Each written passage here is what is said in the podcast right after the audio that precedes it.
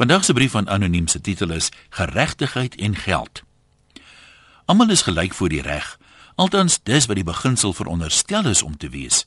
Behalwe vir 'n paar uitsonderings onder die vorige regering, sowel as onder die huidige regering, geld dieselfde wette vir almal.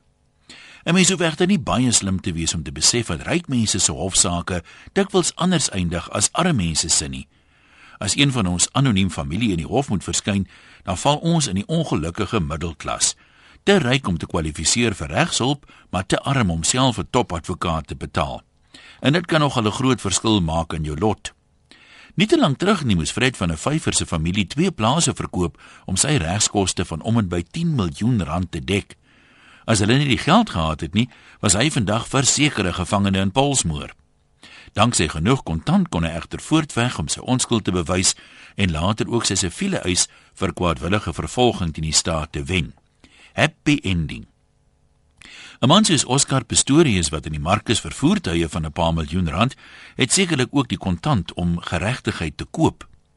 Hoeveel beskuldigdes in moordsake kan egter hulle eie forensiese ondersoekspan aanstel om as dit ware oor die polisie se ondersoekspan se skouer te loer? En dan sommer 'n internasionale beeldpoetser daarmee saam. As al hierdie rykdoms verseker dat ware geregtigheid geskied, dan is ek bly.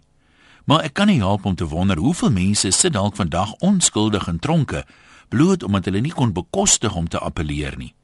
En as die doodstraf nog gegeld het, dan party van hulle dalk daar langs liewe Jesus gesit en kopskud oor die onregverdigheid van hulle vorige lewe.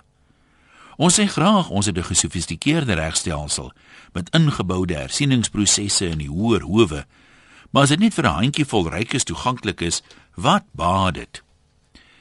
Nou wat is die moral of the story? Seker maar dat as jou naam anoniem is, soos myne, jy maar in jou spoor moet trap as jy nie duur regshulp kan bekostig nie. Ek doen dit sover ek kan, maar ek kry koue rillings as ek soms lees hoe omstandighede teen 'n mens kan saamsweer. Daarom bid ek maar elke aand vir al die beskuldigdes.